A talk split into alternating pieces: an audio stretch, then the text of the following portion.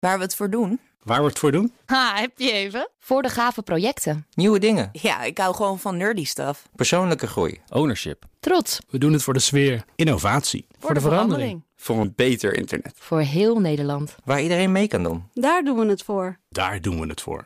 Waar doe jij het voor? Kom werken voor KPN en groei op jouw manier. Check de actuele vacatures op het gebied van data, security, development en networking op jobs.kpn.com/tech. Wetenschap vandaag. Mensen zijn extreem goed in het aanleren van associaties. Is iets wat geen enkel ander dier zo goed en snel kan als wij. Tenminste, dat dachten we heel lang. Carlijn Meijners vertelt waarom we nu een beetje van de troon zijn gestoten. Dat leren van associaties, dat wordt ook wel fast mapping genoemd. Het mentale proces waarbij een nieuw concept wordt geleerd op basis van informatie, waar we ook nog eens maar heel kort aan blootgesteld zijn. Kun je een voorbeeld geven? Ja, zeker. Uh, we zijn bijvoorbeeld heel goed in het herkennen van stemmen, ook als iemand in een andere ruimte is. En ook als we die niet heel vaak hebben gehoord. Uh, baby's leren bijvoorbeeld heel snel de stem van hun ouders herkennen. Maar denk ook aan taal, uh, woorden en klank aan een betekenis koppelen. zeker als we jong zijn, leren we dat razendsnel. Nou gaat dit verhaal alleen niet over ons. Nee, ik ben heel benieuwd wie dit ook kan. Ja, heel lang werd gedacht, alleen mensen kunnen dit dus. Uh, nou was er wel ooit een border collie genaamd Rico. En die liet uh, ooit iets vergelijkbaars zien. de, het verhaal van Rico, de border collie. Ja. Uh, deze hond kon namelijk de namen van 200 verschillende objecten uit elkaar houden. De vraag is dan alleen nog wel, telt dit als een dier de woorden, de taal niet echt begrijpt? Maar goed, het is sowieso heel knap.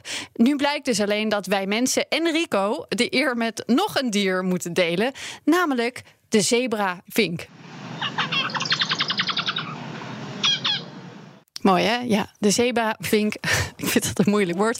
De zebra-vink blijkt namelijk een heleboel soortgenoten te kunnen herkennen aan hun zang. En hoe hebben ze dat in vredesnaam ontdekt dan? ja, ze zaten hier niet maanden voor in de bosjes. Uh, dit vroeg om een gecontroleerd experiment.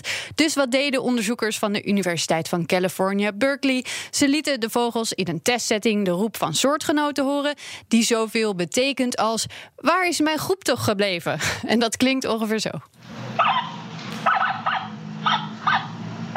Ja, nou klinkt dit bij elke vogel net even anders. Klinkt eigenlijk als een hond. Het is een vogel. het was Rico. Op is het toch niet gewoon die border collie weer? ja, maar goed. In dit experiment leverden sommige liedjes van andere vogels eten op en andere niet.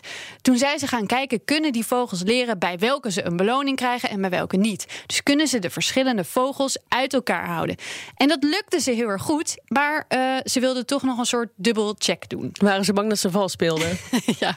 Uh, of ze niet gewoon het melodietje uit hun hoofd leerden. Want dat dat zou betekenen dat ze de andere vogel niet echt herkenden, maar alleen het, uh, het geluidje. En dus kregen ze iedere keer net een andere versie van het geluid van dezelfde vogel te horen. Een beetje ochtendstem versus avondstem of zo. Of naar een goede nacht uh, no nootjes kraken.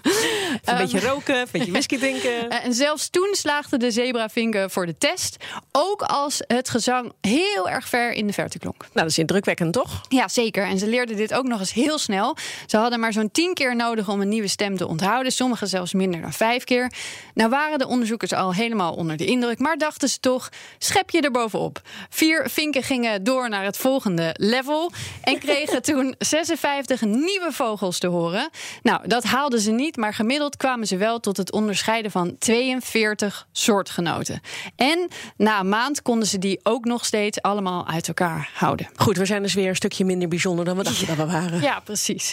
Uh, nou is er nog wel dat ene dingetje. Telt fast mapping als het niet om taal gaat. Want dan kunnen we nog steeds lekker blijven zeggen: haha, niemand heeft taal zoals wij en wij winnen. Om nou wat dichter bij onze situatie te komen, willen ze daarom nog iets anders onderzoeken. Hoe snel leert een jong vogeltje de roep van zijn vader? En hoe snel kan hij deze dan ook nafluiten? Dat gaan we dus nog horen. Maar wat mij betreft heeft de zebravink al wel een klein plekje naast ons verdiend. Had jij ook vroeger een familiefluitje? Met je Ja. ouders ja? Welke? Een familiefluitje? Ja, wij hadden... Oh, ik kan met heel moeilijk fluiten met droge mond. En, dan, nee, en die leerden wij dus ook jullie- nafluiten. En dan wisten we, liepen we in de bijenkorf In een- in- bijvoorbeeld. oh ja. En dan, dan hoorde ik mijn ouders. En dan wist je gewoon precies die In een kant drukke op. IKEA wist ik mijn vader op een andere verdieping ongeveer nog eh, te vinden. Mijn, mijn ouders hielden me gewoon eh, aan een riem vast. vind ik niet gek op de een of andere manier. Ik ook niet, verbaast me niks. Carlijn, dankjewel. Ook Bas van Werven vind je in de BNR-app. Ja, je kunt live naar mij en Iwan luisteren tijdens de ochtendspits. Je krijgt een melding van Breaking News. En niet alleen onze podcast Ochtendnieuws, maar alle BNR-podcasts vind je in de app. Download nu de gratis BNR-app en blijf scherp.